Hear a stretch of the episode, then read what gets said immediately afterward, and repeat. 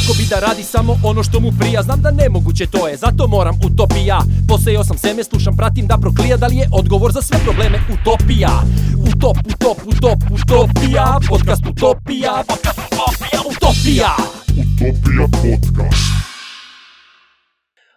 Najlepše mesto na svetu Najlepše mesto na svetu nisu ostrva rajska nit peskovite plaže, ni topli plićaci, ni čunovi laki što se na vetru njišu, ni senke palmi, ni livade cvetova pune, lahori šumski što ih hlade, ni sveže pleteni venci orhideja na grudima mladim što miriso mame, sazvežđa i galaksije blistave, magline zvezdane i vrtovi rajski, sve to lepo ali nije najlepše mesto na svetu.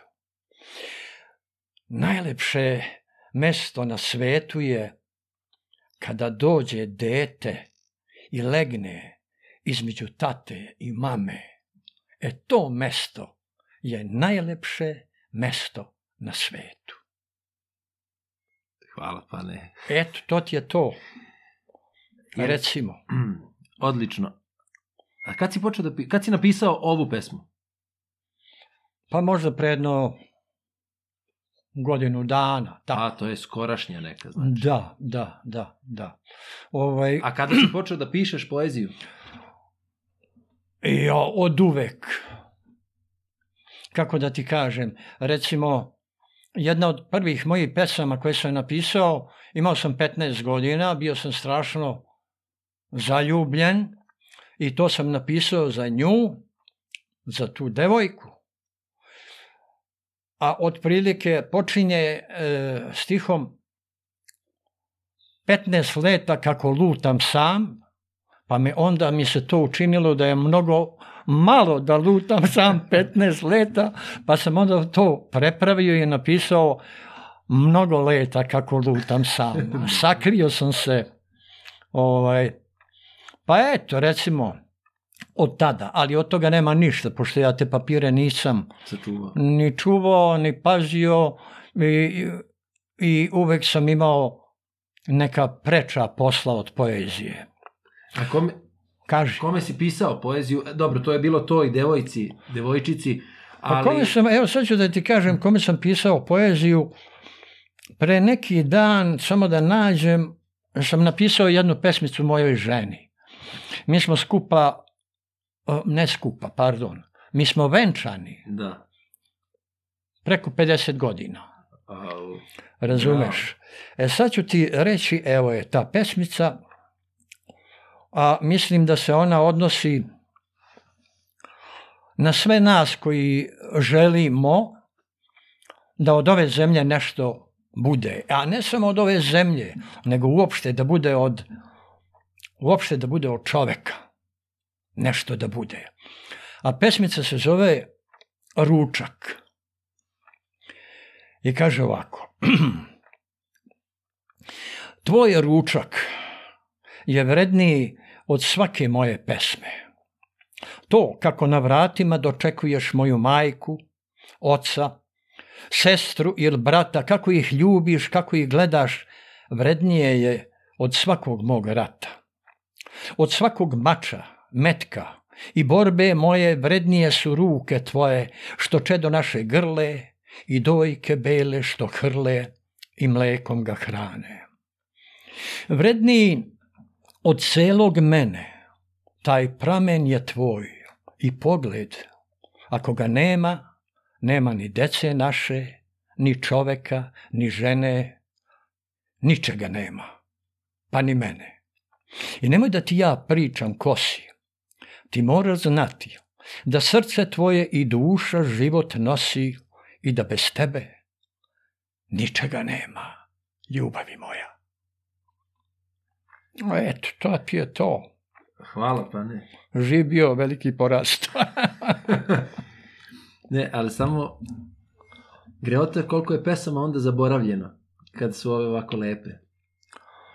Pa, kako da ti kažem, E, nije zaboravljeno, nego je i i, Izvutkane su u tebe svakako. I, i, I bačeno je. Mislim, to su ono papiri, pa ja naslažem posle te papire i ne gledam šta je, ono, tekstovi levo, desno, ovo, ono, i onda budu tako završe u nekoj kanti za đubre. Ali malo mi je žao, ne mene radi, nego njih radi. Nego njih radi. Ja mislim da ću ovaj ti i ja smo glumci. Glumci su jedan, kako bi te rekao, predivan svet. Jedan neverovatan svet. A, nažalost, to se pretvorilo a, e, samo u profesiju. A glumom se bave više svi oni drugi nego mi, nego mi sami. Gledaj samo, recimo, na šalterima ili na kasi nekoj ovaj, kako se ponašaju ljudi. Ajde, upiši se, molim te, da vidim, hoće li se upisati. Evo ga. Kako se ponašaju ljudi, najde čovjek s, e, s nekom sa hlebom i sa mlekom i kako to. Ajmo, ajmo, požurite, požurite. A najde čovjek sa mm, e, šampanjcem. Dobar dan, komšija, kako ste komšija? Izvolite, molim, lepo, to treba, to, to, to, to. Za pet minuta, ne pet minuta, za minut i po koliko stojim u redu, ona promeni pet likova i pet karaktera. Da. E, ali oni ne priznaju da je to gluma. Nego, mislim, to je normalno ponašanje. A mi to kad radimo u igri, onda je to gluma, a oni su veći majstori. Veći majstori od nas i bolje to koriste. A mi jadničci hoćemo to da naplatimo. Od čega glumac može da naplati? Od koga? Od čega? Ali ti nedostaje gluma. gluma? Da. Jel igraš? Nisam ne. buhi dugo bio. O... Pa ne, nema buhe. Buha je tamo negde, to znam, više nije, znam. kako da kažem, Buha nije nikad bila ono što su bila m, mm, takozvana velika pozorišta, znaš, e, narodno, jugoslovensko, dramsko, krst u svoje vreme, pa terazije, koje su bile o, pojam e, za muzikal i savremeni takozvani teatar, a o ateljeu neću ni da ti pričam, koji je bio ono uzdanica, proboj avangarde. A Buha nije bila to. Ali Buha bila kultno pozorište.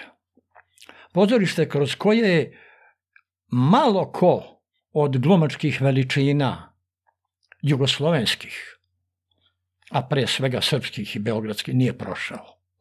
Ja neću ni da ti pominjem ko je sve tu igrao od, sve od buhinih početaka. Pominji, pominji. Pa, počevši od Gage Nikolića, Seke Sablić, e, Mikija Manojlovića, sve ove generacije koje su dolazile posle e, Kubura, e, Bjelogrlić, e, Dobra, mislim, ne mogu, žao što nisam jasno. uzeo spisak. Jasno. Razumeš? Mićanović, e, e Šušlik, e, čoveče, da se uplašiš. Da. Ko je sve kroz Buhu prošao, a i kroz njenu školu. A takođe i reditelji, počevši od Minje Dedića, od Belovića, od e, Mijača, Mađelija, posljednjim redovima Milana Karadžića, Kokana Mladenovića, Tako je. razumeš? Uh, Jugra Divojević. Mm, Ma razume, e, da, da. ne mogu da se svetim, ali to je ne, ne, plejada ne, jedna. Naravno. E u tom smislu je buha e, bila i ovi mladi danas koji igraju buhi.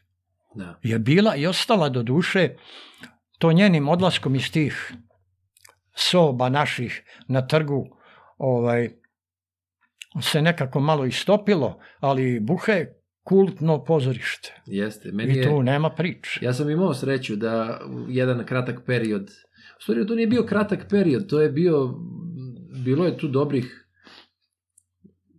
deseta godina, sedam do deset godina, u par nekih naslova, ali kažem, imao sam sreću da osetim tu atmosferu. Da. I da budem deo i ba, ba, baš sam, baš mi je drago kada mogu da kažem da sam igrao u predstavama u Buhi. Tako da, i onda posle Buhe se nekako i namestilo da sam um, ostao u nekim lutkarskim predstavama, ne ostao, nego sa kolegama nekim radio lutkarske predstave i radio sam dosta za decu. Naravno, sad kao mi kao glumci ne možemo uvek da biramo, nego budemo birani za neke druge stvari, ali nećemo sad o tome. A, jel se sećaš kako si došao u Buhu? Da. Koliko si imao? Jel to bilo posle akademije? To je bilo 72. godine. 72. Da. Ti si 51. Ovaj, je tako? Da. 50. E, ja, nisam, ja nisam završio akademiju. Ja kad sam došao da polažem prijemni ispit na akademiji, Dobro. onda, pošto sam već bio profesionalni glumac Crnogorskog narodnog pozorišta Aha. u Podgorici, jer sam primljen u Crnogorsko narodno pozorište sa 18 godina, a sa 16 i po 17 godina sam igrao tamo naslovne uloge, zahvaljujući jednoj audiciji koja je bila, ovaj, ja sam tad učio gimnaziju pre podne, a muzičku, muzičku školu posle podne, dve škole sam išao u isto vreme. Mm. A se jednog dana pojavila neka audicija za za pozorište gde je trebalo igrati žestoke koji su igrani već u buhi, To je tekst jednog od urednika politike Vaske Ivanovića. Ja sam se javio tamo kao srednjoškolac. I bilo je nas preko dve stotine na tom. U audiciji? Da. Jeste. I ja sam izabran u, u toj grupi od nas 60. Pa onda se sve malo po malo, malo po malo ovaj, taj kruz sužavao I ono što je odlučilo nije bio moj talenat ovaj, da dobijem tu ulogu žestokog, nego je bilo to što sam znao da sviram gitaru i pomalo klavir. I svi su bili jako iznenađeni da tako neki klinac, a onda i malo duža kosa. A tada je... Tada... Da. I tako da je i samim tim Eh, s tim u skladu išlo, išlo je imalo drskije ponašanje. U smislu ne bezobrazluka, nego u smislu da. nekakve slobode. Prava na biti ono što jesi. Da. I m, mm, tako da nije tu moj talenat odredio da ja budem, da ja bu, budem primljen, ovo je neka mušica. Da, primetio sam je samo da neka ovaj, nego eto sticaj tih okolnosti. Pa kad sam, do, e, onda su tu dolazili, boga mi, da rade Belka, Belović, jel, pa Minja Dedić, tako. Tu su te videli. Doktor Brana Đorđević, Maks Janković je radio scenski pokret i tako dalje, tako dalje ja kad sam došao ovamo da polažem akademiju, jer je samo dvoje iz republike, iz bivših republika moglo onda bude upisano na akademiju. Iz Srbije dvoje, iz odavde dvoje, Aha, iz odande dvoje, dvoje i tako dalje. To je, bilo, to je bilo pravilo? Pravilo, da, nije moglo drugačije. I to je bila jedina škola na jugoslovenskim prostorima. Nije bilo ni Slovenije, nije bilo ni Čekaj, za... Ni Zagreba, ničega ni, toga ni Sarajeva, nije bilo. Ništa, ne. nije bilo škola. Ne, samo iz, iz Hrvatske su dolazili ovde, polagali i studirali. Jasno. I ja kad sam došao ovde, a ja sam već ovaj, posle tog žestokog koje je režirao taj prvi student koji je diplomirao na Beogradskoj akademiji Petar Perišić, ovaj, i došao dole u Podgoricu da radi kao glumac, ja? I ovaj, i eto, tu su krenule te glavne uloge odjednom. Minja Dedić je režirao Omera i Merimu, ja sam igrao Omera, e, Belović, e, Belović je bio supervizor i tako dalje, ona Kanjoša Macedonovića, e, lažnog cara Šćepana Malog koji me u stvari, ja nisam igrao Pera je igrao lažnog Crpana, Šćepana, a ja sam igrao mm, Petra Petrovića prvog u toj predstavi, to je bez teksta uloga. mm Ali da ti završim ovo, kad sam došao na Beogradsku akademiju, po, ovaj, i sad spisak i ovo i ono, i mene zovu u kancelariju, I kod Minje, koji je bio, da li je bio dekan, prodekan, nemam pojma. I on me čeka sa mojim papirima i dokumentima ovaj, u kancelariji. I pruža mi moje papire. I on meni kaže, predraže, nemojte ni da pokušavate da upišete akademiju i da mi papire. Profesore, molim vas, završili smo razgovor. Samo to kaže. A njega je zvao ministar za kulturu Crne Gore, bivši, i upravnik pozorišta Crnogorskog narodnog. Ako upišeš, problem. Da ni po koju cenu ne smiju da me prime na akademiju. Jer nema repertoara. Jer, jer, jer je a repertoar dolazi u pitanje. A ja sam tada igrao recimo i Veljko Mandić, jedan divan glumac, kakvi su tamo glumci divni bili. O njima kasnije, ajde, nema veze. Da. Ovaj, ja sam tamo napravio nekakav proboj u smislu uh, drugačije, drugačijeg pristupa igri, jer o igri, o glumačkoj igri nisam imao pojma pa sam igrao kako mi padne na pamet. Da. Recimo, dve jednočinke. Ja igram u prvoj jednočinki to što Veljko radi, u drugoj ne igram i publika posle prve jednočinke kaže ne igra žestoki ovu drugu, ajmo. I napuste salu je. Ako mi veruješ, tako je bilo. Ali šta se onda dogodilo? Ja sam vidio da od akademije, e, tad neću da ih imenujem, koja je upisao Akademiju iz Crne Gore te godine. Moji dragi prijatelji kasnije i tako dalje. Ali ono što je urađeno je e, pod rukovodstvom tog Petra Perišića je osnovan dramski studio Crnogorskog narodnog pozorišta koji je kasnije prerastao u ovu akademiju koju oni danas imaju. Ja tako da sam ja prvi student Aha, te, te cele priče. Čujem da, su, da je Crnogorsko narodno u požaru izgubilo sve te, e, sva da. ta dokumenta o tome, jer to je bila, kako da ti kažem, lok, nije lokalna, nego nije smelo da bude zvanično. Jasno, zato što je prosto sistem takav bio u Jugoslaviji Jest. da moralo I to je, je da bila interna, ovaj, kao što su recimo mnogi glumci tog vremena završili te takozvane filmske i razne škole koje su sve bili internog karaktera, da. počevši od uh, Bate Živojinovića, pa da ti ne nabrajam ja ko sve, razumeš, da. ovaj, koji su završili te interne, takozvane nisu to bile takozvane, to jesu bile škole.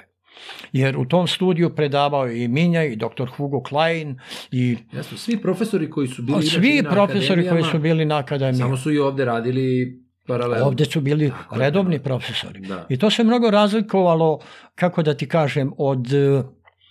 A, mnogo se razlikovalo od onoga što se radilo na akademiji. Jer sve je bilo a, e, a, e, kroz predstavu i praktično. Da, da, da, da. da.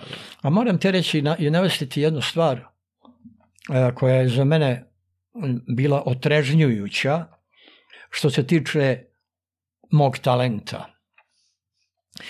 Odigravši tog žestokog koji je razbijao stvarno, to ja mislim da je to moja najbolja uloga u životu, naletao sam na strašan problem kad sam trebao da igram u toj nekoj jednočinki ovaj, nekog, neki drugi lik. Aha, mhm, to je sad ono što je ti manjkalo, što nisi prošao. Ja trenutku. odjednom vidim da ja nemam pojma. Da. Jer to je neki drugi čovek. To ja ne mogu da igram kao onog uličara, ovo je dečko u odelu, iz Italije došao neke... Ja sam šokiran, ja sebi uturim u glavu, utuvim, reko, sram me bilo. Ja sam sve ove ljude, pazi, to su profesori bre, to su imena, razumeš, jugoslovenskog teatra.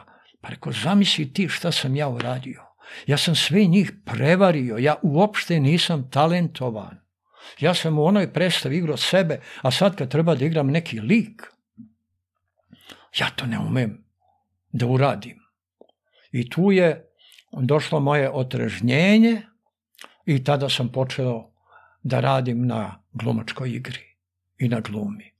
I počeo da prosto da kopam po svemu i svačemu. No, odužio sam te ovu priču. Ne, ne, e, tako, nije, tako da nije. da je to to. A kako sam došao u Beograd, bilo je vrlo čudno. Na Sterinom pozorju Nebojša Komadina je bio veliki uh, jugoslovenski reditelj, ne znam da li ti znaš. On je... Uh, ne znam, iskreno. A, u ateljeu radio, radio velike serije na radio televiziji, na RTS-u mm -hmm. i mhm. tako dalje. Da. Koje sam verovatno gledao, ali nisam znao da je on režirao. Men, pa ne verujem. Um, ipak je to davno bilo. Mm -hmm. Ja sam bio mlad kad je on to radio. A, pa dobro. dobro. Ovaj, I posle Sterinog pozorja gde smo igrali tog Blagotera koji je radio, Lažnog Šepana, um, um, cara Šepana Lažnog, uh, meni Blagota i, i upravnih pozorišta i, i direktor drame Milan Popović, neki divni čovjek, Kažu meni ovaj, posle presove, čekate Nebojša Komadina, kaže dole u foajeu, požuri. Ja, krevi, koga ti to, Blagota, koga ti to za... Da, da, da. Kaže, ma ne, stvarno, i on se smeje. Ma rekao, idite vi u vražnju mater. I, ajde, rekao ja, polako, aj, e, baš me briga, poslije ćemo otići na neko piće. Kad ja tamo, stoje njih treć, tri, četiri rukovodioca teatra, i stoji čovjek Nebojša Komadina, ja. Rekao, pa ovi se nisu zezali. Jo, priđem, dobroveče, dobroveče, upoznamo se, rukujemo se i mi ovaj, tako neki razgovor, sednemo, razgovaramo, drži ne daj i odvojimo se mi, ovi odu tamo i nas dvojica ostanemo sami da razgovaramo. I on meni kaže, kako ste raspoloženi da da dođete u Beograd. Ja ga gledam, reku, što priča ovaj, kakav Beograd? Ja ono da mi je do Mostara, da stignem da. do Banja Luke, recimo ako baš budem hteo da menjam sa sa ovaj, Petrom Tomasom u Kotoru, da napravimo pozorište i tako. Kaže, ne, ne, kako ste raspoloženi da dođete u Beograd? Ja reku, izvinite, ali ja mislim da je za mene to još uvijek rano. A koliko godina? 18, 19? Pa ne, već sam tada imao već sam tada imao 19, možda 20 20. godina, tako. Da, A, nemoj me hvata za godine, Dobro, slagat ću okay, te. U redu, u redu, u redu. Možda i malo više, 21, 22. Dobro, znači prošlo je 3-4 godine kako si igrao. Znači, da, da, da, da, bio... da, da, da, da, da. Dobro. I ja, ovaj, tako njemu odgovorim, on meni kaže, pa dobro, kaže, kad budete ovaj, mislili da je vreme, javite mi se. I on meni ostavi broj telefona. Prođe još neko vreme, možda godina, dve, razumeš? I ja se posvađam ovaj, sa mojim pozorištem. Prvo se posvađamo zato što zato što ovaj su svi bili protiv naše ženitbe e, Stankine moje, jer je ona imala 18 godina, a ja sam imao 20 godina i celo pozorište je bilo užasno protiv. Razumeš? I, i moja familija, njena familija nije ni znala za to i to je izbio skandal. I ajde sad neću o tome da pričam jer to je predivna priča, fantastična, na nivou, na nivou ovaj, Romea i Julije na balkanski način, a druga svađa sa pozorištem je bila ta što su te moje starije kolege htjele da me nauče pameti i hvala im na tome.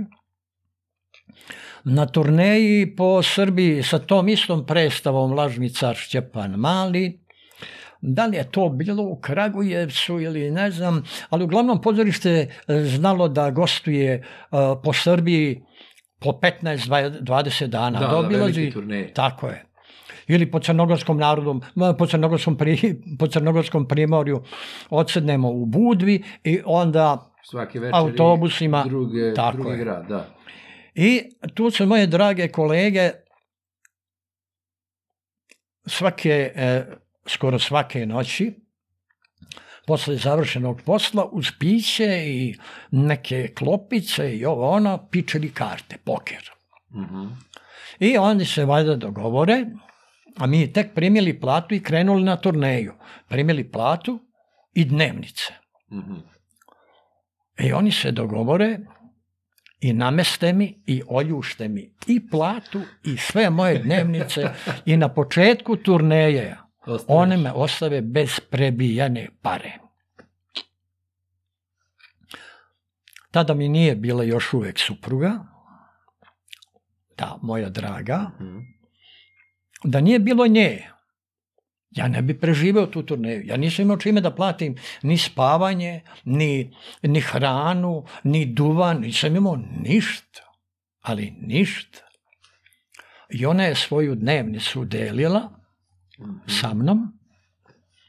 Ja sam od te dnevnice za njih koji igraju karte kupovao piće i sendviče i onda sam to tacna je bila moja i onda sam ja od tog pića i od tih sendviča zarađivao od njih i plaćao ovaj plaćao hotel i hranu i, i onda mi je više bilo dosadilo Smučilo mi se, oni su se smejali, naravno da im je bilo smešno. A da. meni je bilo dovde. I sve i pošaljem u vražiju mater i napustim turneju. I onda pređeš u Beograd? Mm, ne pređem u Beograd, ali onda se ja zaista zakačim u pozorištu sa svima. Dobro. Izađeš iz svih? E, kad smo otišli, doživim neke neprijatnosti, mislim, preterano je ovo što dobro, pričam, ali nema veze. Ne imenuješ, ok, to je da. samo priča. I dam sebi za pravo i ovaj i razlupam pozorište. Uf, dotle došlo. Polomim ogledala, polomim sve živo do čega što mi je stiglo pod ruku. Ali to sam mogao da radim. Da zašto? Zašto? Zato što me Milan Popović kao direktor drame mnogo voleo. Zato što me voleo Veljko Mandić, Boro Begović, Drago Malović i tako neki ljudi koji su vrh pozorišta. A ovi koji su, e, s kojim, ja sam se i s njima posvađao, ali to je druga vrsta e, kako da ti kažem, sukoba i svađe u odnosu na prepirku sa ovim mojim koji su mi dragi i kojima sam ja drag. Da. Razumeš? Mm-hmm. I rešim ja da napustim ovaj po svaku cenu da ode. Ali tu počne da radi, kako da ti kažem, ovaj, mm, nekakva loša priča tu počne da radi. Tako da god sam konkurisao, ispred mene su išli neki papiri, jer znalo se da ja konkurišem. Recimo u Mostar, pa u Banja Luku, pa, o, pa u Zenicu, pa ne znam ti nija gde sve. I recimo odgovor iz Mostara upravnice Narodnog pozorišta u Mostaru bio je kratak i jasan. U mi je odgovorila Hvala, ja navedem šta sam sve igrao, u kojim da, predstavama, da, da, da. koje uloge, ko su bili reditelji, reditelji sve imena čoveč. Da. A on kaže, hvala vam najlepše, ali glumac vašeg profila nije nam potreban. Mene neće niko da primi. Niko a ja već dao otkaz. Nađem ja ono blokčiću. Kontakt, Petra. Preko prošle godine i po dve dana. Da li će se seti, a? E, ja okrenem telefon, od beloga, od tog direktora drame. Mhm. Kako mi je to divan čovjek bio. Tako sam srećan što sam poznavao, imao u životu priliku da upoznam predivne ljude. Predivne. Bez obzira, ja sam bio čovek, dečak pun sukova mladalačkih i tako toga. Ni danas nisam ovaj pametniji, ali sam upoznao tako divne ljude. I dobro. I okrenem ja telefon,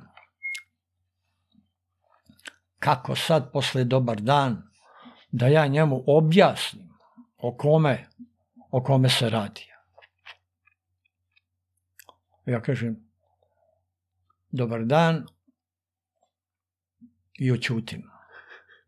Ne, javi se Dobrila Matić, ona je bila ikona pozorišta Boško Buha u svoje vreme, a to je njegova supruga. Mm -hmm. Ja to nisam znao, yes. Ja se različito prezivaju. Mm -hmm. E, rekao, dobar dan, e, treba mi Nebojša e, Komadina i čujem ja njen glas. I ona kaže, kaže on, dobar dan, verovatno sam ja govorio sa naglaskom, pretpostavljam. I ja taman hoću da izgovorim svoje ime, a on meni na to kaže, Predraže, jel mislite da je došlo vreme? Sjajno. Ja se presečem. Presečem se, razumeš? I eto, tako ja dođem. Znači, odmah si počeo u Buhi? Da, da. 72. Te godine mi se rodio i sin. Mhm. Mm i tako, eto, to ti je to. I e, supruga je pošla s tobom ili je još bila devojka tada? Ne, ne, ne, ne, već smo, već smo bili mi u braku, to je... Aha, znači pošlo je već, da. Ma ja, uzeli smo se, ja sam imao 20 godina. Da, da, da, dobro. A ovo se događa već malo kasnije, malo aha, kasnije. Aha. A je, gde je ona radila? radila ona... Ona, je, o, o, ona je krajač stilskih kostima. Uh-huh. Mhm. Ali je u Buhi, I u Buhi je, ali mnogo vremena je prošlo dok se ona u Buhi zaposlila kao uh-huh. krajač stilskih kostima. Radili smo sa divnim ljudima, Božana Jovanović, čoveče, koja je to poezija od kostima koje je ona radila. Niko je ne pominje. To je čudesno, ali dobro, da te ne gnjavim dalje. Pa, e, nije to, e, ne gnjaviš me, upravo zato što ima mnogo ljudi koji budu nekako zaboravljeni nepraved, nepravedno. Da ti kažem. Opet, jasno mi je, jasno mi je da ne, mogu, ne može o svima da se govori, ali, znaš, lepo je kada neko pomene. Lepo je kada se kaže, znaš, da, da neko nije zaboravljen, pa čak i na moment, razumeš? Znaš šta, ovaj, nažalost, e, zaboraviti je ljudski, ali namerno zaboravljati, to je već to je već nešto drugo. E, pričali smo pre ovog razgovora šta znači to ovaj, da ne, da ne uništavaju ovaj svet, ni, ni ratovi, ni grozne nesreće, ni ovo, ni ono, e, nego da ga ruše gumica i olovka. To su najstrašnije sudije, beskrupulozne i užasne. Gumica i olovka, gde se briše i piše se šta se hoće. To je to. Nije to ovde samo Ceo kod svet, nas. Da, svuda je. To je ceo svet je tako. Sve funkcioniše tako. Tako je. Da, e, sad malo ubacit ću nešto. To su moje misli. Na momente mi je došlo šta bi bilo kada bi se izbacila samo jedna stvar. Novac. Kada bi se izbacio, ja imam utisak da bi se mnoge da bi se mnogo šta rešilo na dobro. Jer ako bi se samo on izbacio kao e, faktor, onda ne bi bilo razloga za mnoge nepravde. Bilo bi.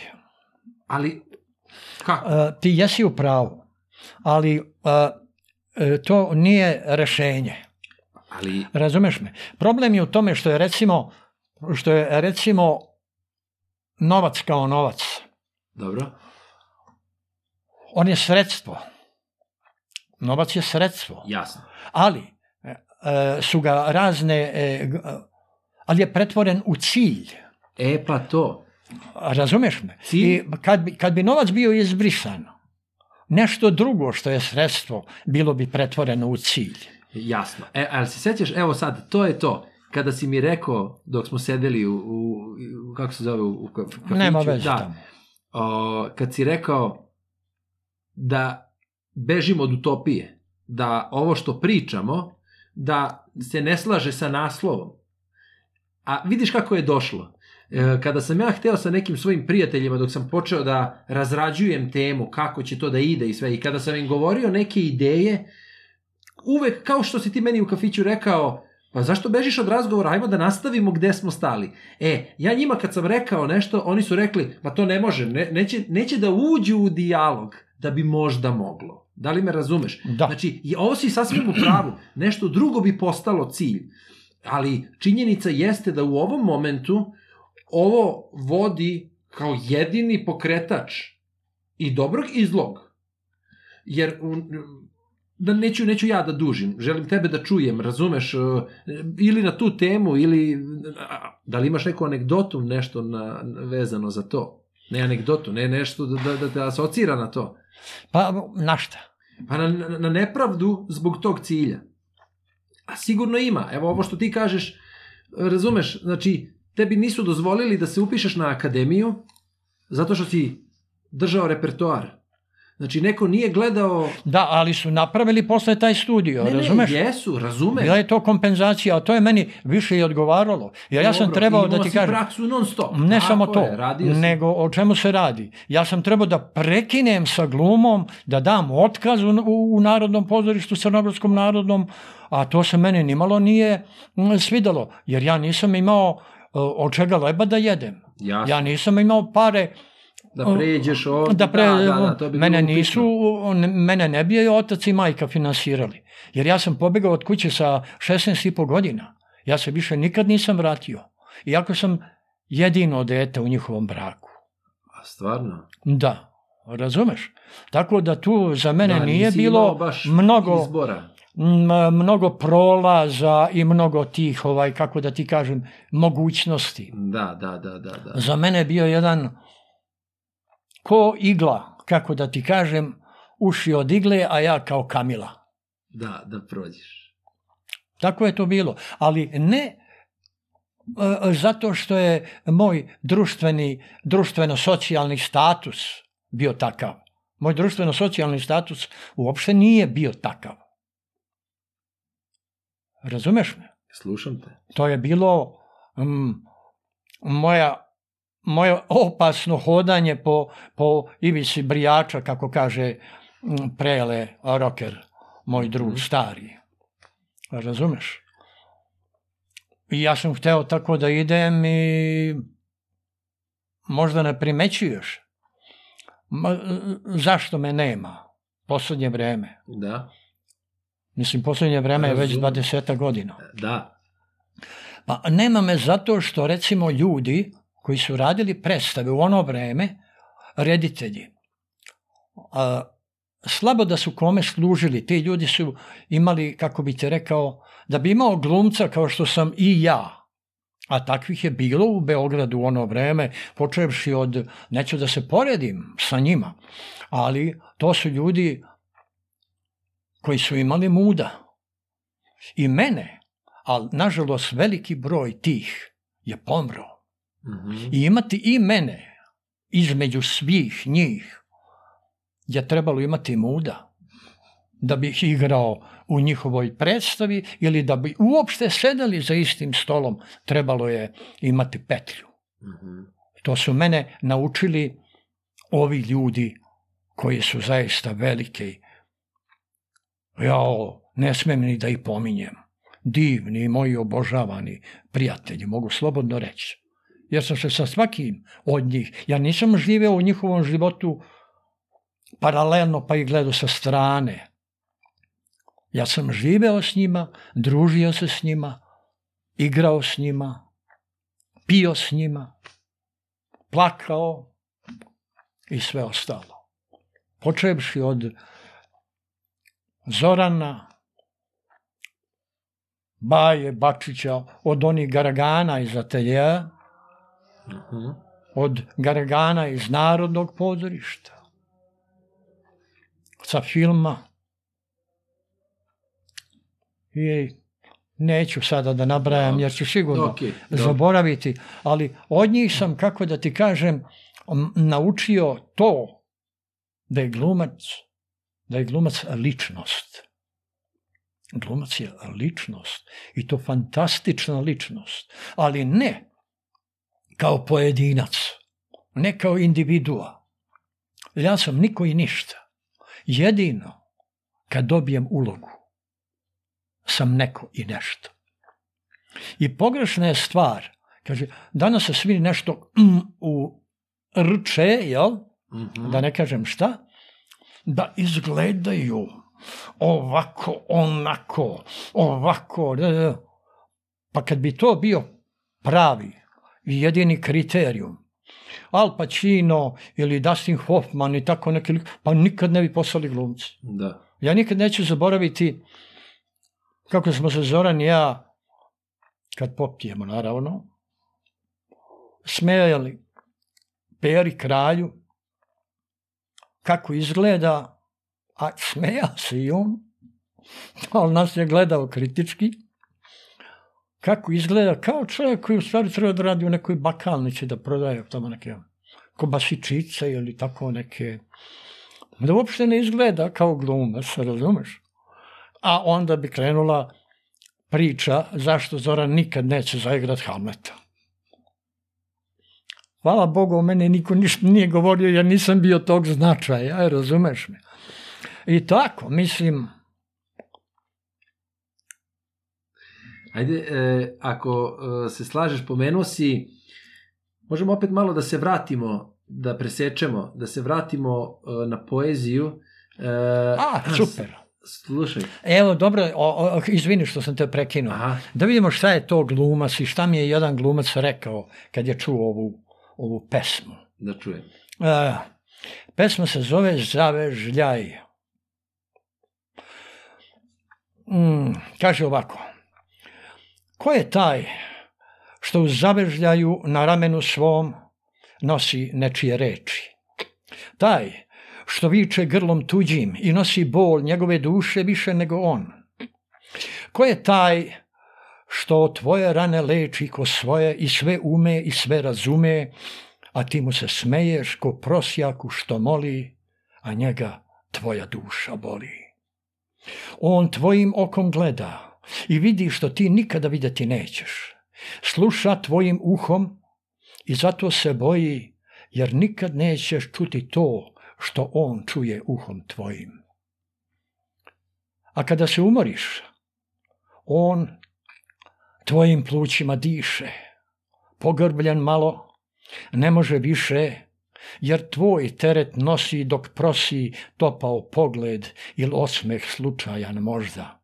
On tvojim usnama ljubi, a tebi se čini kako je njemu lepo i lako i ne znaš da bole ga tvoji zubi. Ko je on što tvrdi da njegove tuđe su reči? Taj što nema sebe, jer deo svaki njegova tela u stvari je deo tebe. On plače, a ti mu se smeješ i ne znaš da on roni tvoje suze I srce mu uze led iz tvoje grudi što se širi i zato plače sve jače i jače, a ti mu se smeješ. Kada ga ogreje sunce tvoje sreće, on vadi reč iz vreće i seje i seje, prosepa gde stigne, a narod se smeje. Gledate i misli kako on ništa svoje nema, nit mu šta treba, sem komad hleba, i parče modrog neba. Baš ništa nema. Čak ni samog sebe. Jedino što može ti dati on, to je da tebi da tebe. Znaš ko je? Znaš? Znam. Al ne smem reći jer plašim se čim pisnem da tuđe reči će iz mene poteći, a znam ko je, znam. I svi počeše da se smeju i da mu tapšu a njemu suze teku ko reči što se seju, jer glumac je, glumac je, glumac. Sjaj. Bravo. E, to je to. E, za ovu pesmu mi je Andrija Milošević rekao pre nekih dan da je to najlepša pesma o glumcu koju je ikada čuo, a ja njega pitam, a da li je ikada iko napisao ikakvu pesmu o glumcu, ja se ne sećam da znam. Možda i jeste, nemam pojma. I eto, to je to što ja mislim o glumi. Magično, ali stvarno magično. Magična kutija, ali, znaš. da, ne, ali, ali e, znaš šta sam skapirao? Koliko ti moraš da bunariš po sebi da bi otkrio i da bi mogao da se ispovediš ovako? Ne samo ti, svako, svaki, da, da. svaki poeta, svaki pesnik. Znači, da, da, da se toliko poništiš kao što se glumac poništi da bi bio neko drugi i onda da nemaš straha da se izraziš. Ne, glumac ne mora da se poništi ne, da bi bio neko drugi. Pesmu, ovo sad Ma, za glumac, glumac mora da bude nula. Da, jer E, Niko to je ono, sam dok ne kažem. Da dok da ne kažem. To je ono što sam ti malo rekao, da li intravertna gluma, igra glumačka, ili ekstravertna. Razumeš, ako je intravertna, onda sve, sav prostor, kolege, e, reči, sve pokrivaš sobom. Da. Razumeš? Ako je introvertna, onda sve upijaš i sve primaš i samo reaguješ na to i budi se tvoja duša.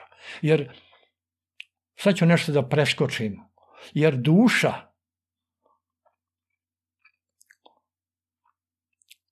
Tvoja duša je potpuno neovisno biće koje živi u tebi. Ona je potpuno neovisna. Nisi, nisi ti ona, niti je ona ti. Ona je ona koja prima sve udarce i plače i smeje se, potpuno nezavisna od tebe. I ti moraš da znaš da čineći određene stvari, nanosiš njoj strašan bol ili sreću i radost.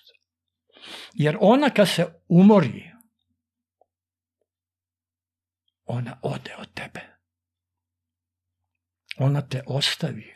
Ne zato što ti umreš, nego zato što ona nema više gde da živi. Da. Ona je biće za sebe. Samo da znaš. Da imaću novu. Imaću novu. Da se vratimo. Rekao si da te majka, ako se slažeš, dok da te povijala, da, da te stihovima... Pa moja majka je bila, kako da kažem, jedno predivno biće. Predivno. Ona je, ona je sama po sebi bila poezija. Znaš, ja sam od nje naučio, od tada, e, recimo, dobili smo neki stan kao veliki, ja sam bio detenca. Ovaj, i tad nije bilo parketa, bili su podovi za pranje, razumeš me? Mm-hmm. Novogradnja, ali nije yes. bio parket. I ona pere taj pod, iako je nov, ali eto, ona ga pere, riba kao. I plače. A ja dođem i pitam je, plače i peva. Sve ptičice iz gore ne izgore, izgoreše, nego izgore, iz mhm. planine. Mhm. Sve ptičice iz gore, sve ptičice iz gore. Sve ptičice iz gore spustile se na more, samo jedna ostala i tako dalje, i tako dalje. I plače i to radi i peva. Ja dođem kod nje i pitam, mama, zašto plačeš, mama? A ona meni kaže, od sreće, dragi, od sreće. I kad god je plakala, ja sam je posle svaki put pitao, mama, jesi srećna? Jel to plačeš od sreće? A ona govori, da, dragi, od sreće. Eto, ako je to neki opis moje majke. Zahvaljujući njoj, njenoj duši, ja sam pre sedam godina I nije samo njoj, naravno. Počeo da radim na jednom tekstu koji bi trebao, ako bude i ole sluha igde, a iako nema, baš me briga, koji bi trebao, recimo, žanrovski, ako bi se ta stvar ekranizirala, žanrovski bi trebalo da potpuno obriše velike takozvane filmske priče kao što su Hobbit, gospodar prstenova, koji izuzetno cenim i poštujem, kao takve, gospodare prestola i tako da, da dalje, da, da. tako dalje. Možda i dođe jednog dana do realizacije toga, ali ja to prvo moram da završim. A obimno je sve suviše, imam, već negde imam oko hiljadu, skoro hiljadu strana upisanih ovaj, te priče. A da bi znao o čemu se radi, ja sam malo, kad me Voja pitao na čemu i o čemu radim, ovaj, o čemu se radi, malo sam mu ispričao, na što mi je on rekao da nikako ne odustanem da. od cele te priče zapravo, znaš, sve ovaj svet je rođen, nažalost, na, na nasilju. Tokom rađanja čovečanstva i stvaranja njegovog, Nijedna devojčica od 12-13 godina nije ušla ni u kakvu porodicu, ni u kakve bračne vode. Sve su manje više bile uzete onog trenutka kada im takozvano dođe da, vreme. Da. Bez njihove volje, bez njihovog pitanja, bez njihovog pristanka, bez. Sve su bile, neću da kažem, ali upotrebljene. Da. I ovaj svet se rodio s takvim odnosom prema njoj. Prema njoj. Prema tom ženskom biću. A to žensko biće je prvo što je stvoreno od živoga. Znači čovjek je od praha zemaljskog, od, od sazvežđa, od zvezda i ne znam ti čega, sve ko, ko dragi kamen iščupan iz stene. I on je bio živ a ona je od živoga i od nje počinje život koji ona rađa. Ali, nažalost, dešavalo se kako se dešavalo i zato nije postojalo nimalo poštovanja prema životu. I onda je bila uobičajena priča raznih ne mogu to nazvati religijama, žrtvovanje dece i sobstvene dece. Prinošenje na žrtve, sobstvene da. dece. Recimo tamo u nekim, ja sam se malo zadubio u neka istraživanja kuda ja odoh jebat. Ajde, ajde, ajde, ajde. Ovaj, gde su u jednom kraju planete ove e, dečici e, e, ljušticama vezivali glave ištezali da bi dobile piramidalni o, bebama, formu, da. da bi dobili formu piramide ili nekog kvadrata, nekog geometrijskog mhm. oblika, jer su ta deca prilikom svog odrastanja o, kasnije i u mraku su rasla. Znači da ne primaju nikakve informacije, nego samo da im se sve događa u glavi. Mm-hmm. E, to su bili takozvani njihovi prinčevi vizija koji su imali strašne halucinacije. To su bili njihovi sveti, da. sveti dečaci, da. razumeš me? Ali ti dečaci su živeli u paklu. Devojčice su na živo, kad ih, kad ih naravno opiju, raznoraznim, ne znam ti ja, kajinovim travama,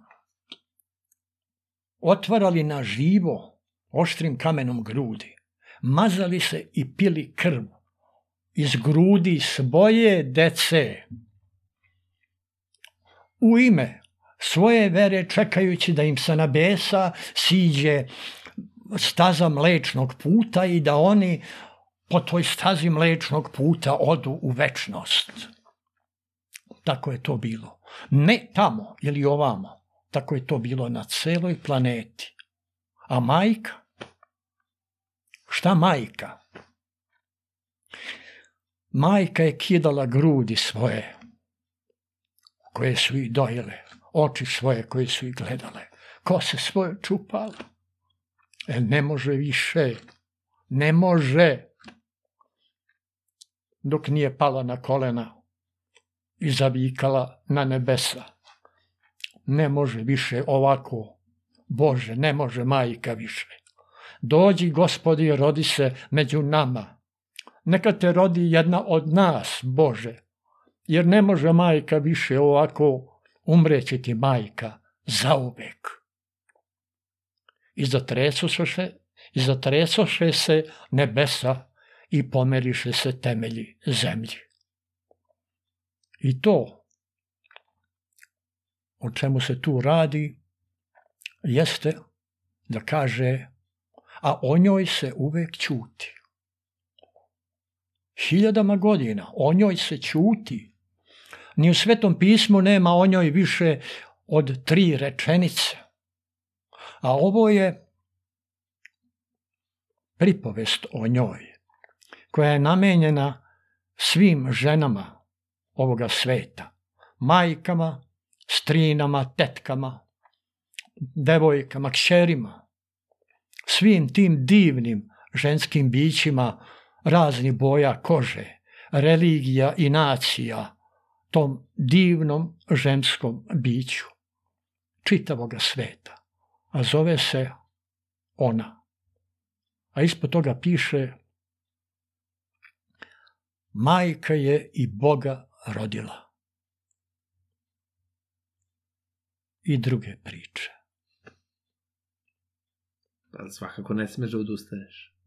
A? Svakako ne smeš da odustaneš od tvoje namere, kažem. Pa, kažem ti, ona je otišla dosta daleko, ali to je još jedna, nije to još uvek hram, to je još uvek, kako da kažem,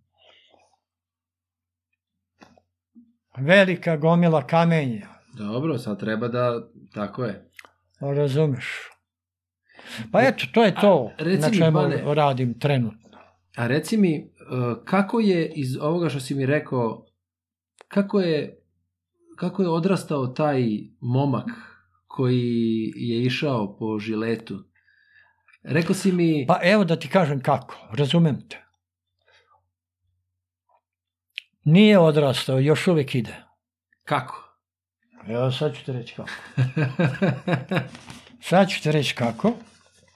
Znaš što se radi? Na moju veliku sreću ljudi beže od mene. Kad počnu sa mnom priču, vrlo im imponuje, sviđa im se, sve okay, ali kad se sretnemo sljedeći put i kad je on sve, mm, okreću glavu uglavnom na drugu stranu, kao, ma pusti njega, ja, ma nećemo sada. Kao, mislim, daj, mani ga, on uvek nešto tu pusti, što je tačno. I moja sreća je što ljudi od mene beže. I sreća moja što sam glup i pomalo slep i pomalo nem, jel i to sam veštački, razumeš? Jer to je moja izba. To je moja monaška izba. I ona je na moju sreću sve veća i veća, jer sam ja sve glublji i glublji, sve sleplji i sleplji, sve nemi i nemi i tako dalje. Ma evo sad ću pročitati recimo jednu pesmu koja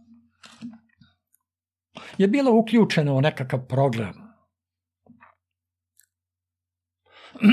Ali da ne pričam ovako. Valjda ću se snaći s ovim papirićima. Čirilica. Čirilica nije samo mrtvo slovo na papiru ili tabla polomljena na tamo nekoj kući. Čirilica je etika. Čirilica si ti. Čirilica je kad si, kakav si brat, otac ili sin, kakva si sestra, majka ili čiji, kakav si drug, komšija ili gost. Čirilica je kad o svom komšiji misliš i dobro i lepo, a da li postoji išta lepše od ovog ovako iskreno rečenog? Ako hoćeš da nešto čestito i dobro za dobro zajedničko urađeno bude, dogovori se sa svojim komšijom muslimanom. E, to je Ćirilica. Ćirilica je kad zagrliš svoga druga i glasno zapevate Niko nema, niko nema što Srbin imade. Niko nema, niko nema što Srbin imade. Srbin ima, Srbin ima, svoju krsnu slavu. Niko nema, niko nema što Srbinima ade, Srbinima, Srbinima, Hrvata za brata. Eto, to je Čirilica. A i ovo je Čirilica. Ako svaka travka na tvojoj livadi nije jedno ćirilično slovo, onda to nije tvoja livada. Ako svaka gruda zemlje ili busen na njivi koju oreš nije jedno ćirilično slovo, onda to nije tvoja njiva. Ako na tvojoj jabuci ili šljivi svaki cvet i latica njegova i polen mirisni e, nije jedno ćirilično slovo, onda to nije ni tvoja jabuka, ani tvoja šljiva. Ako ćirilično slovo nije svaki list šume u planini, u kojoj zorom ranom sa radošću badnjak bereš, onda to nije ni tvoja šuma, ani tvoja planina. Ako svaki kamen kuće tvoje, ćirilično slovo jedno nije, onda to tvoja kuća nije. Ako ulica kojom hodiš, reka kojom brodiš, ili crkva u kojoj se moliš nema ćirilično ime, onda to nije ni tvoja ulica, ni tvoja reka, a ni tvoja crkva. Ako svaki prst na ruci tvojoj kojom pišeš misli glave svoje nije ćirilično slovo jedno, onda to više nisu ni tvoji prsti, ni tvoja ruka, ni tvoje misli, a ni tvoja glava. Ako svaka suza čeda tvoga ili osmejak njegov nije jedno ćirilično slovo, onda se rukama uhvati za glavu i počni da plačeš. Eto, to je ćirilica.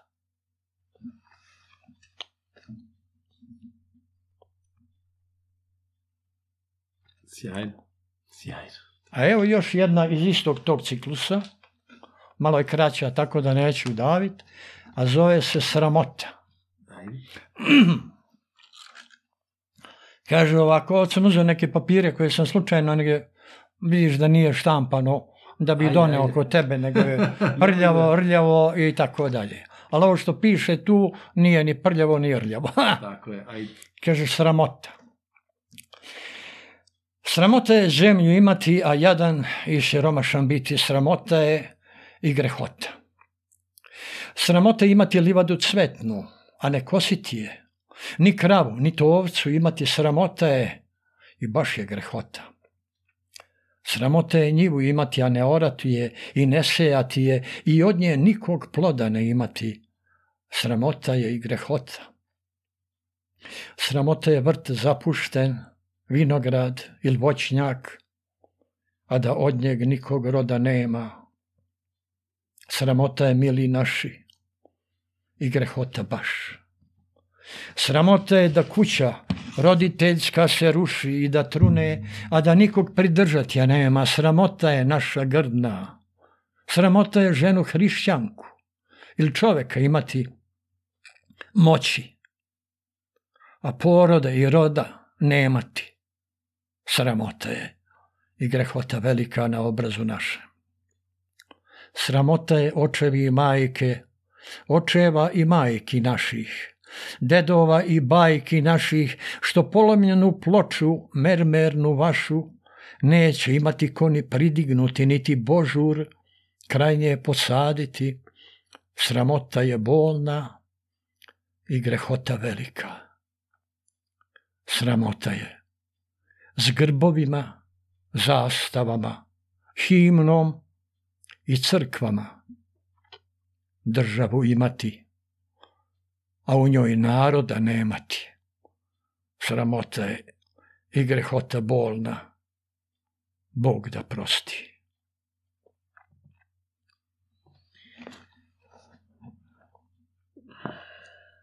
je li iz toga proisteklo ono što si mi rekao danas E, ovo je bilo u jednom tekstu koji se zove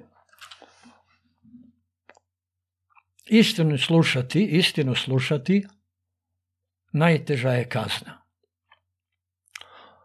I to je bio deo tog teksta, ovo je bio deo uh-huh. tog teksta, u kome se govori o raznim stvarima. Jedna gospođa koju ja ne poznajem, ali koja je, kako da ti kažem, vrlo ovako uticajna i mnogo toga se radi kako ona hoće. Mm-hmm. Ovaj, ona mi je ove dve pesme izbacila. Iz teksta? Ja sam pitao, ja, ja je ne poznajem nju. Prvi put smo se sreli pri čitanju tog teksta, razumeš? jer ona je bila ta koja, ja mislim da i sada vodi te mnoge programe i tako te stvari. I kad sam je pitao koji je razlog što je izbacila ovaj, ove dve pesme i još toga, da ne pričam čega, ona je rekla, gospodine Paniću, vi nemate prava da udarate na moju savest a ja je nikada u životu nisam ni video, ni čuo za nju. Istina najviše boli, a? Kad prepozna čovek. Ne znam. Izgleda. Tako da, nadam se da ti je jasno zašto me nema u tom javnom mnenju, kako bi ti rekao. I ne treba ni da budem, jer nisam ja deo toga, jer ako ja budem deo toga, onda će to morati da bude deo mene. A neki se toga boje. Da. Prepotentno je ovo što govorim, ali drugačije e, neće moći da funkcioniše, jer moramo biti kompatibilni. Tako je. A dobro, ja se divim uh, istrajnosti i, uh, i tom da si sebi uh, iskren prema sebi kada ne dozvoljavaš da ti se načela pogaze. Zato ti kažem, meni je to zadivljenje, jer a, imaš, imaš i godine iza sebe gde sebi, gde, mislim, odgledao sam pre neki dan dve, tri emisije Kolarić i Paniću, znaš, i bila je, zaplakao sam na jednu, zaplakao sam na pesmicu, to je, bilo je Tužibaba. Tuži baba. I sada, um, ja ne znam, često me čerka pita kada nešto gledamo ili tako nešto i kaže opet plačete. I kako godine prolaze, tako izgleda da taj prag osetljivosti na istinu i na, na e, raste, yes. odnosno, ali ja mislim da to nije da raste, nego je to pristanak da se otvoriš i da pustiš Možda je to ta duša koju si govorio, koja izbiva, razumiješ. Predaješ se polako. Predaje, tako je. I onda, znaš, e, ja, ja se ne stidim, dobro, nijedan glumac se ne stidi da plače, mislim, ja verujem i iskrena osoba se ne stidi. Da, izvini, da te prekinem, da. Ovaj, što se suza tiče, odmah da ti kažem. E, ja jedno vreme e, m, m, m, pretrpan, kako da ti kažem, E, problemima, odnosno ne, ne mogu reći problemima, nego dešavanjima u, koji, u kojima čovjek živi. Mhm. Pa se samo baviš tim dešavanjima, e, sam izgubio, e, izgubio suze. Mm-hmm. Kako? Kad mi udare suze na oči, a one ne iscure, nego mi oči oteknu i nabiju mi su podočnjak. I tako sam ja godinama i godinama plakao bez suza, plašeći se da ne pokažem svoju slabost. Ali pošto se podočnjaci i oči su se prepunile, nemaju više kud, pa su suze ponovo krenule da izlaze napolje. Da. A ovo što kažeš, ovaj, otkud snaga, nije to snaga, to je pitanje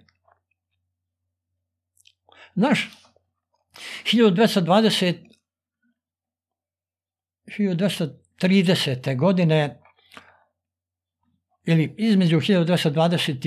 i 30. godine sedi Sveti Sava, još nije bio Sveti Sava,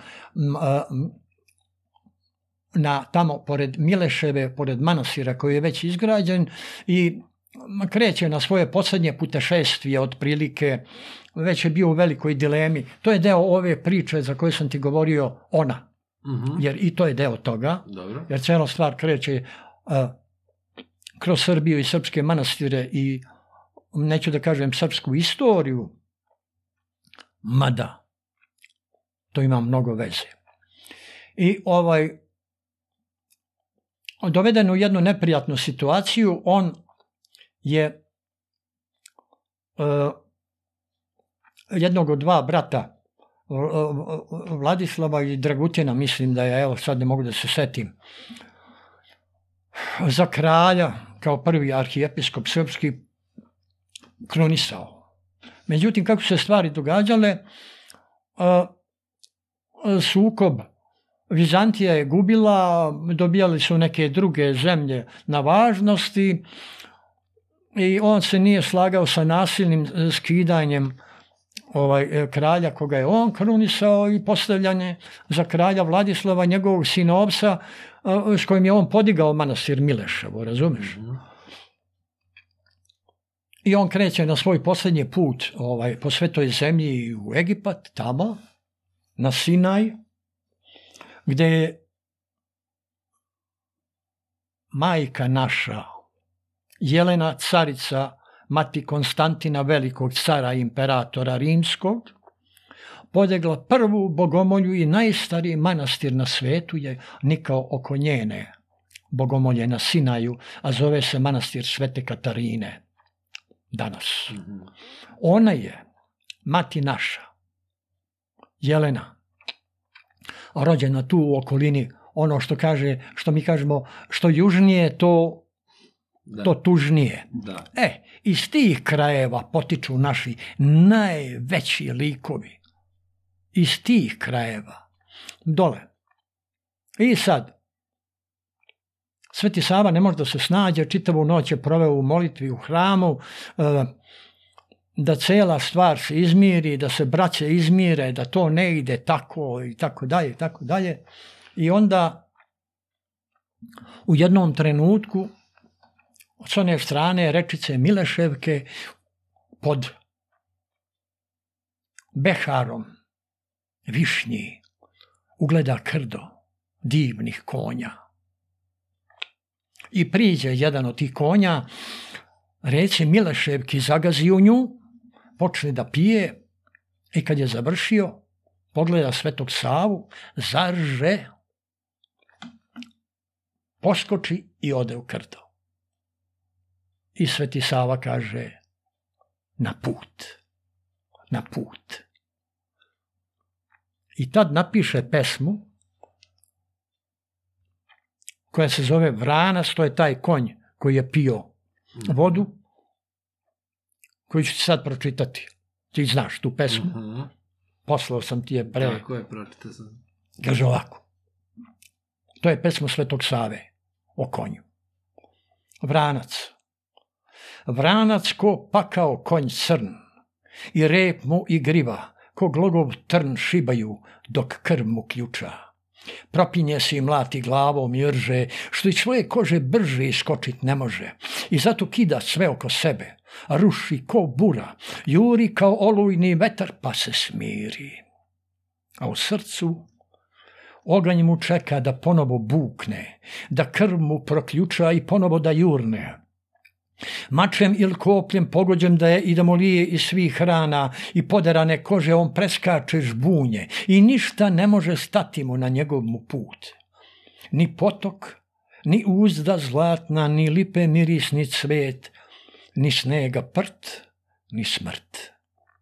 I kada jeste i kada nije, on nogom u bistar potok zgazi i vodu pije i baš ga briga, je li živ ili nije.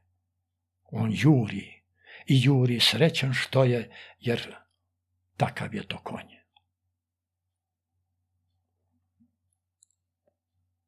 Eto, to je to.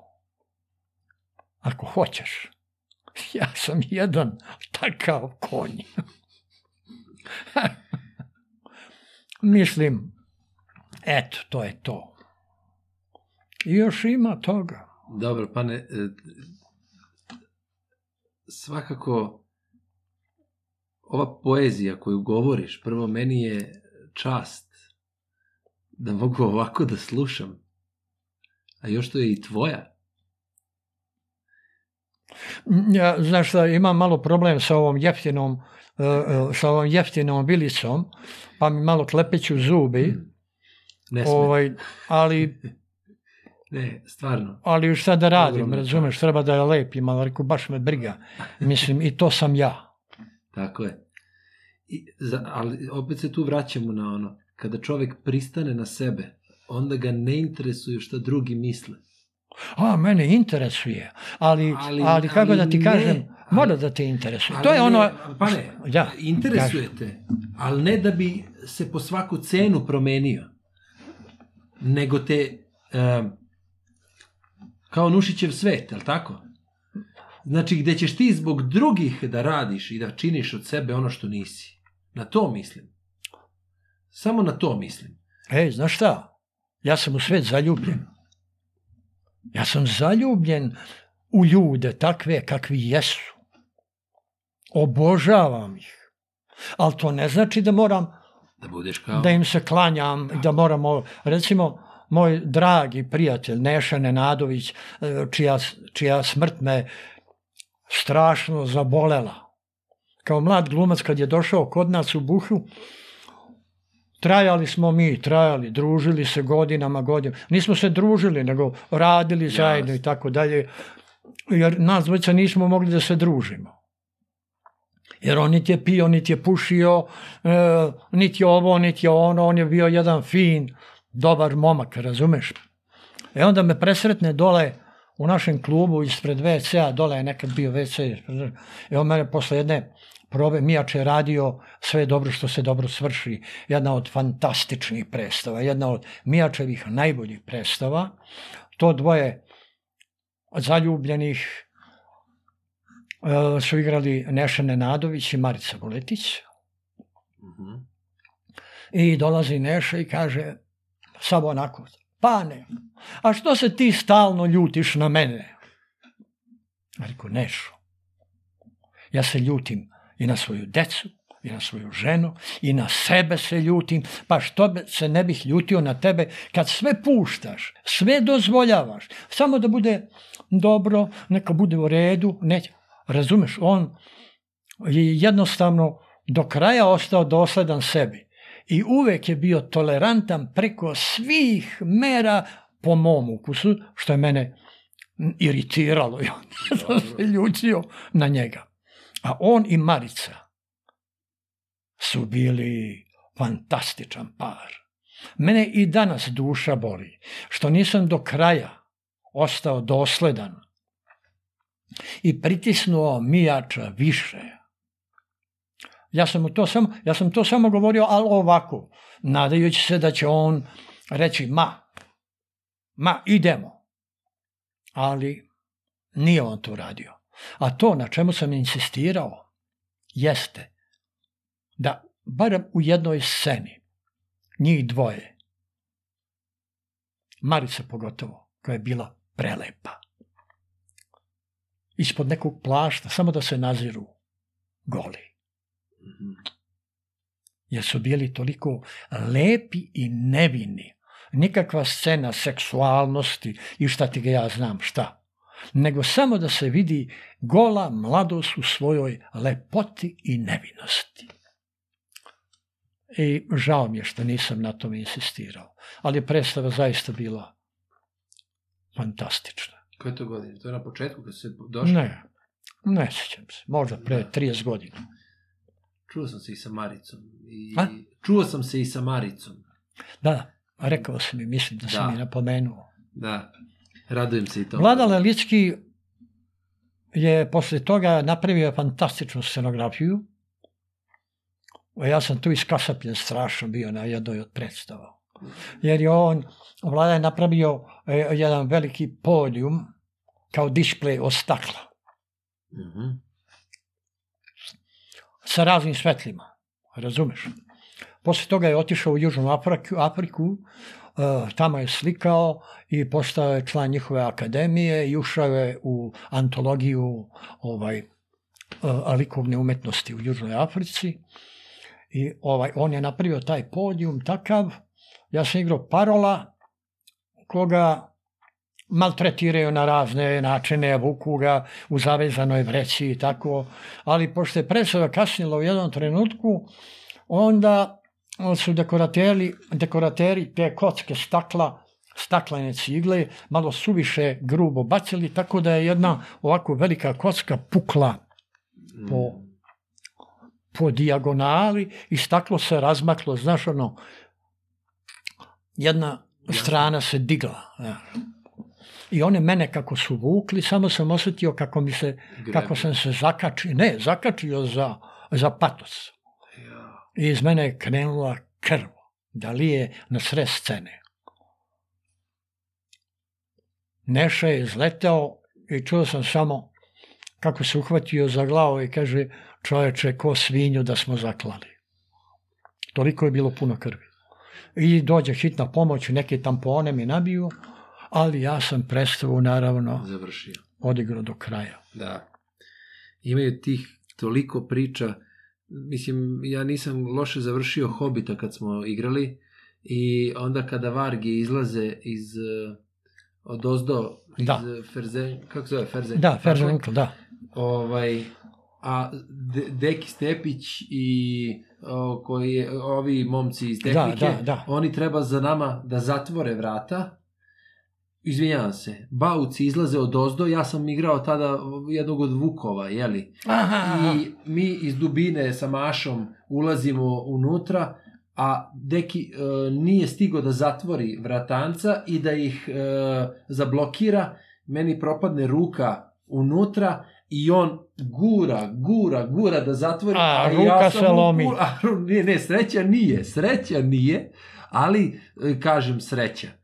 A skoro, evo koleginica mi priča, pala je, okliznula se, ehm, pala je da je dislocirala rame, znači skroz, baš morala da ide na vežbe, pa onda užasnih priča evo, da ti znači, ali jednu, ajde. sve izguraju do kraja. Sve evo da kažem jednu stvar, e, tekst e, koji je radio Zoran Ratković, reditelj iz Ateljeja, i Muci Draškić je radio u Buhi, tako, ovaj, Gordana, ajde, a, starostio. Da. Gordan, kako se zove? Pisac naš veliki scenarija. I... Gordan Mihić? Mihić, brate. Dobro. Njegov tekst. Ovaj, istočno od Karaburme. Mi radimo tu presu, presa je bila... Znaš, e, Od tada su bile, takozvani fizički teatar je bio u strašnom proboju mm-hmm. i morao se biti fizički izuzetno Spremno. sposoban i spretan. Pogotovo recimo u Mađelijevim predstavama. To je Miki Manojlević znao da izgubi po 2,5-3 kilograma za jednu predstavu. Isto toliko ja u Aladinu ili u Hobitu sam, koji je Mađelija radio, mm-hmm. isto toliko sam ja gubio na težini. Znači predstave su bile ubijane ubija. I na toj presavi, na kraju prvog čina, ima neka gadna tuča i tu su neki karatisti, momci, ja skačem preko stola, pada na to karatistu, letimo kroz vazu, bukvalno. Ali bukvalno letimo. Ali to je bio jedan momčina, plavi, jedan dečko, zaboravio sam kako se zove, i on me dočeka ovako na grudi, padamo obojca, on me prevrće i dojuri moj kolega koji skače na mene sa stola, I kako skoči, skoče mi na nogu i slomi mi nogu. Kraj prvog čina. Ceo drugi čin. Ja sam odigrao sa slomljenom nogom. Predstava nije prekinuta. Niko nije primetio iz publike? Ja sam Naravno. počeo da šepam, da se vučem, hmm. kao isprebijan sam da, ovo, ono, si. i tako dalje, i tako dalje. I na kraju niz neke merdevine klizim, pogođen i onda me jedan od tih likova gurne nogom i padnem u gledalište kao leš. I eto. To su recimo, ali pa, pazi, klanovi, te priče oko klanova, sve to tačno, uvek je toga bilo. Ali velika je razlika u tome oko čega su se formirali ti klanovi. Onda su se e, klanovi formirali u ime dobre predstave, pa su se birali najbolji koji će najbolje te likove da odigraju. A ne u smislu ja ovu, ovoga ili, ili onoga. Razumeš? nego ekipa koja, za koju se znalo da će iznese, da iznese predstavu, da bude predstava bomba. Tako je. Pa... Nije moglo u kosi da igra onaj ko slabo peva uši. Da. Razumeš? Ili ko, ko, ko, slabo igra i pleše. Ne može. Ne može Možeš mi da biti iznese. rođak koliki god hoćeš. Tako je. Ne može. To, te stvari ja sa, sa godinama isto razumem bolje, jer obično se to dešava kada se završi akademija, onda su razočarenja zato što ne dolazi to u onim sledom kako bi želeli i onda ti tražiš opravdanje za neuspeh, jeli? A, ali kako godine prolaze, ja to objašnjavam nekim mojim prijateljima van ove struke. Da ja upravo, kada oni kažu, e, uvek isti ili uvek nešto, reku, pa ne, nije. Ne možeš ti da prvo, na primjer, ako je na filmu i na seriji, to su sve skupe igračke. Neće neko ni rođeno dete da uzme, da bi uzeo. To može jednom da prođe. Ali ako se ne opravda, Neće više, ne može da opstane. E, tako je bilo. Ali sada Aha. je stvar drugačija. Sada i prolazi. Sada je stvar ne da prolazi, nego ja sam na moju veliku žalost svedok jednog stava novog i novog kriterijuma koji, čija, čija rečenica glasi ovako. Zameni ga gorim da vidi da je niko i ništa. A da, da, i to prepoznajem. A to prepoznajem iz, e, to bi rekao, iz e, ponuda gde se, nećemo sad da govorimo ni o ciframa, ni o bilo čemu, ali stav prema glumcima je takav, ako nećeš ima ko će. Bukvalno zamenjiv si i sve se dešava u 5 do 12. Pa a, nisi Danas... zamenjiv, to je gore. Za mene ga gorim da vidi da je niko i ništa. Ne, za mene kao ko te šiša, ne, nego ćeš biti dno dna, jer ću te ja nabiti u patos, a ne zato kao nećeš dati da. pare, ko te šiša uzet ću drugog. Ne, ne, da. namere su daleko uh, ozbiljnije i kako da ti kažem uh, lošije. Prljavije. Da. Razumeš? Da. Ne mogu reći prljavije. I ti ljudi koji su takvi. I oni misle, i oni misle da rade dobru stvar uh, za to čime se oni bave. Jer uh, moraš da znaš da uspešnost i uspešan čovjek je najčešće slep. Zato što mu je jedino merilo vrednosti uspeh. Mhm. A toliko uspešnih stvari možemo da vidimo oko sebe koje uopšte nisu dobre. Mhm. Koje nimalo nisu dobre. Da. Ali su jako uspešne. Da. I, iz tog ugla I gleda. poželjne. Da. Razumeš? Prema tome, e, ja ne krivim te ljude što imaju takav stav. Dobro, da, svako ima svoje... To je, kako da ti kažem, ne radi se tu ni o pravu. To je filozofija života. To je etika. Nji, ne, filozofija života gde, u, u kojoj su ubeđeni da je ispravna, što je rekao... Apsolutno. Da, što je rekao... I, e, aha, jedan, da ne zaboravim, molim te, da, samo da, da, da kažem. Reci, reci. Ovaj, u, u tom svetu lukavstvo, lukavstvo e, e, znači otprilike kao prelukaviti, prevariti, podvaliti i tako dalje, tako dalje. To je vrhunac inteligencije.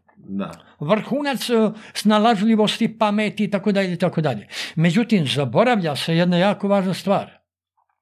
Da je lukavstvo vrhunac životinske inteligencije. A da je vrhunac ljudske inteligencije mudrost, a ne lukavstvo. I tu su stvari zamenjene. Nisu ti ljudi, neće oni svojom pameću da budu to što jesu. Ni ovi, ni oni da budemo to što jesmo. Nego smo dovedeni onim svetom o kome sam ti govorio u poziciju ovog čovečanstva da ono se grčevito bori da i dalje opstane na nasilju, na prevari, na ovom, na onom i tako dalje. Znaš, ne postoji, ovo je nešto bolje da prećutim. Mm. Mislim, bolje da prećutim dobro, iz eh, dobro. mnogo razloga. Neće, kako da ti kažem, ne radi se ni o kome lično. Ne razumem. Radi se o onome što bi ona gospođa koju ja ne poznajem rekla, nema, ko, ovaj, vi nemate prava da udarate na moju ličnost. Jer ovo što bih izgovorio, a već sam to rekao sto puta u drugim nekim stvarima, ovaj, Ali zašto neko daje pravo drugima da udaraju na naše ličnosti? Šta njima daje pravo da udaraju na naše ličnosti? Ne, ja tebi ne govorim sada, uh, uh, uh, kako da ti kažem, nije to nije to namera. I moraš razumeti da je to e, sklop Kad hoćeš da uništiš jedan narod, naciju, etnos neki, postoje, postoji pravilo koje oni odlično znaju. Prvo mu uništi kulturu, prosvetu i zdravstvo. Kulturu na prvom mestu zato što je nju najlakše načeti Ona dolazi od svuda. Ona je i na ulici, i u posluzi, i ovde, i onde, i tako dalje. Prosveta obavezno. Tu menjamo, e tu rade gumice, olovke mhm. i tako dalje. Zdravstvo zagarantovano. Jer šta će tebi onaj koji je zdravog uma i zdravog razuma i zdravog tela i zdravog uha i duha? Ovaj koga praviš mora da bude da nema elementarnu kulturu, da je neprosvećen i da je bolestan. I on kao takav radi šta god ti hoćeš. Tako je, I on kao takav određuje kako će da izgledaju stvari, a i ne zna da je on takav, da je nekulturan, da je neobrazovan i da zdravstveno nije potpuno na svom mestu on ne zna da je takav. Jer on kad bi znao, on ne bi takav bio. Prema tome nema krivice ni u kome. Ja sam ti rekao u našem razgovoru da... Mi sami smo krivi. Duboka država nije ona tamo duboka država, a mi Ne, ona je u nama. Mi smo duboka država. Mi činimo te loše stvari. Slušaj, bojim se da ne bude previše, ali ima, možda nikad nisam bio, kako beše, koja je to, oko taban, praviš se, vran s najlon kese, on najlon kese, interesantna pesma. Znaš, neću. Najljepše je Friedrich Gisendor, Jumbir. Trotinet je lepa pesmica za recimo za decu. A da presečemo malo, a? Ajde. Za trotinet. Ajde. Kaže trotinet. A je, je li električni? A? Je li električni? Ne, ne, ovaj... Običan. ne, ne, de, dečiji ovaj. Dobro, dobro. Kad uzmem trotinet, pa kad ga zgazim, nema tu da... Pazi, to je dečak, recimo, moj unuk od 5-6 godina, znaš. Kad uzmem trotinet pa kad ga zgazim, nema tu da ga milujem i mazim. Nije to češalj za kosu ili čarapica za nogu bosu, ej, pa to je mašina koja leti. Zgazi je Pavle samo opleti. Točkovi sevaju ko oganj ludi, ne boj se, drž se i hrabar budi, preskače rupe kao da leti. Na jednoj nozi daleko će smeti, tako da stoji niz trminu leteć, a da se ne boji. Ajd, majčin sine, sada te vidim, kojoj devojčici da se ne svidim. Kad ga zauzdam, izgrabim za ručke i kad se petom kočnica stisne, on miran ko bubica bude, niti da bekne, niti da pisne. Već strpljivo čeka i spreman stoji dok tajmer sekunde po jednu broji deset 9, 8, 7, 6, 5, 4, 3, 2, 1, pucanj!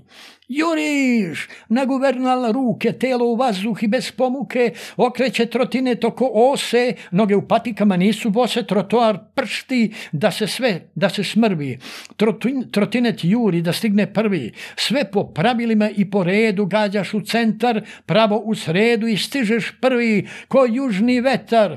Bravo, sine, bodri ga Petar. Na grudma mu medalja od čokolade. I svi srećni odlaze kod druga vlade da slave rođenje njegovog sina što je na radost nama svima, a novi trotinet već se sprema. Bravo, mane. Eto. Bravo. To je to, ali nisam to hteo da... Da li ovo ne sviđa mi se ova pesma? ili je možda nikad nisam. Čekaj da vidim malo, molim. Aj pričaj nešto dok ja tražim da ne budemo ja da prazno. Ajde. Ma dobro, ne, lako ma, mogu, ja ma, to da mislim, da i sečem, nije to problem. Ja, ja ću da te čujem, ali da potražim pesmicu. Potraži. A. Ajde, dok, dok tražiš, reci mi, e, da li je da li je ovo što si pričao malo pre, tražiš tu pesmu po, povodom te teme, Da li to može da bude borba za utopiju? Nisam siguran da sam te razumeo. Pa, rekao si mi, opet se vraćamo na to, rekao si da... Evo ti, jedan, Aj. evo ti, evo ti za utopiju jedna, jedna pesma, koju nisam teo od sada da ti planirao, nađem. ajde. A zove se Zbir. Ajde. Uh, kako je gadno. Kada je čovek zbir iskustava loših ko džak, rogova pun, ko žbun, kome je jedini plod trn. Ne gleda u dobro, već ko da je svo đubre poboro i turio use i u svoje kljuse. Klimna pognute glave, po prašnjevom drumu nikoga nema, a on reži i grize i sve što je ružno, to je lepo. Pravi se da je slepo, jedino loše mu se svidi, jer oko mu tako gleda i vidi. A to što čuje, to je još gore. To nikad nisi mogao reći jer gore je i od noćne more. Duša raspeta između mržnje i besa, vrišti ko tetiva zapetog luka ili rep strele promašenog cilja. Kida, lomi sam sebe, obraz svoj razvlači ko prljavu krpu, a kamoli tebe. To što mu je u ustima, to nije gorčina, to je korov. To je gore od zavisti prži i peče ko otrov. I pljuje, psuje, grize, vređa, kaže zna šta je dobro, a nikad dobra ni video nije, a kamoli da zna šta je to dobro, ko da je sve zgrane loše pobro i turio use i u svoje kljuse. Kako je gadno! kada je čovjek zbir iskustava loših. Spasa mu nema. Jedino jedino još žena spasiti ga može i na njoj zato tebi Bože hvala.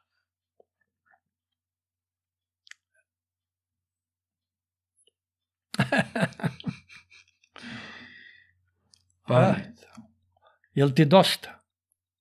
Dosta. ne, ako nađeš ovu, volao bih da čujem. Ne, ovaj zbir. Ali, e, zašto se ti govorim? Za, da li ima jedna stvar? Ajde, na, da li si razmišljao, našao u svojim razmišljanjima, da kažem, u, u, da li si našao neku stvar koju bih koju bi voleo da popraviš? Mislim, svi imamo nešto, ali uh, da, li, da li te je skoro nešto tako zapeklo da kažeš pa ne može ovo više ovako? Da li me razumeš? Ne mislim... Razumem te, ali jedino što ja mogu da uradim jeste da uradim i da radim ovo što radim. Dobro. Ne sviđa mi se ova pesma. Tako se zove. Uh mhm. -huh. Naša... Nikad ne znaš, ne sviđa mi se ova pesma. Uh mhm. -huh. Nikad ne znaš šta, ko ili šta će sutra da se rodi. Seljak, car ili rob. Protuva neka ili snob. Baraba što krade i debelo laže, što tuđi maslac na svoj lebac maže. Nikad ne znaš, da li devojče neko divno ili drolja, ili svet na trnu zelenog polja, ili riba skliska ili pliska pod vodom što gnjura. Peh! Otku ti znaš šta se u potoku zbiva, ko će ili šta sutra u njemu da pliva, nikad ne znaš.